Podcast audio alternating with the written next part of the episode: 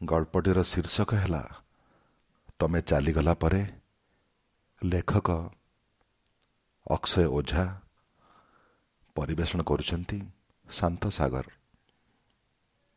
ତମେ ଚାଲିଗଲା ପରେ ମୁଁ ଏ ବାରଣ୍ଡାରେ ପଡ଼ିଥିବା ଚେୟାର ଉପରେ ବସି ତମ କଥା ଭାବୁଛି ସବିତା। ମୁଁ କେବେ ବି ଭାବିନଥିଲି ତମେ ଆଗେ ଚାଲିଯିବ ବୋଲି। ତମେ ଠକିଦେଲ ମୋତେ। ତମ ବିନା ମୋ ଦିନ ବି ଆରମ୍ଭ ହେଇପାରେ ନା। ତମ ପାଟି ନ ଶୁଣିବା ଯାଏ ମୁଁ ଦାନ୍ତ ବି ଘଷେନି। ଅବସର ପରେ ମୁଁ ବେଶୀ ଅଳସୁଆ ହେଇଯାଇଥିଲି। ତମ ହାତ ଚାହା ବିନା ମୋତେ ଚାହା ପସନ୍ଦ ଆସେନି। ତମ ରୋଷେଇ ଛଡ଼ା ମୁଁ ବାହାରୁ କିଛି ଖାଏନି। ଭୋକ ମାରି ଘରକୁ ଫେରିଆସେ। ମୋ ଚଷମା ଝାପ୍ସା ହୋଇଗଲାଣି।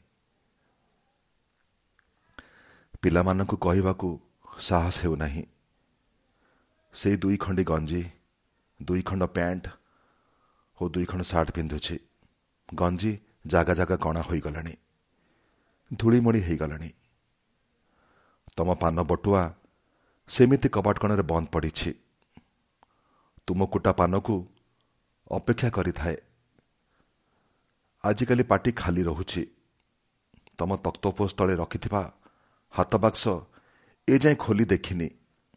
ପାତି ପାନିଆ ତୁମ ଧଳା ବାଳକୁ କୁଣ୍ଡଉଥିବାର ଦେଖେ।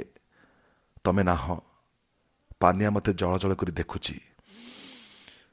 ଗୀତ ଗୋବିନ୍ଦ ପୋଥି ମୁଁ ପଢ଼ିପାରୁନାହିଁ ଉପରେ ପୁଣି ଚଷମା ଖରାପ ହେଇଯାଇଛି। ତମେ ଲଗେଇଥିବା ମନ୍ଦାର ଗଛରେ ଖୁବ୍ ଫୁଲ ଫୁଟୁଛି।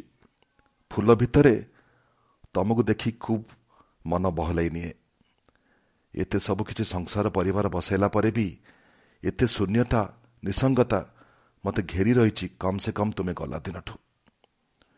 ପିଲାମାନେ ବେଶ୍ ଭଲରେ ଅଛନ୍ତି ଖୁବ୍ ଖୁବ୍ ସୁଖ ଶାନ୍ତିରେ।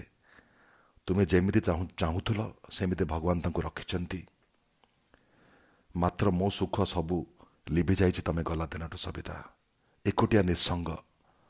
ତମ ଝଗଡ଼ା ତମ ପାଟିତୁଣ୍ଡ ମୋତେ ବିଲକୁଲ ଶୁଭ ନାହିଁ।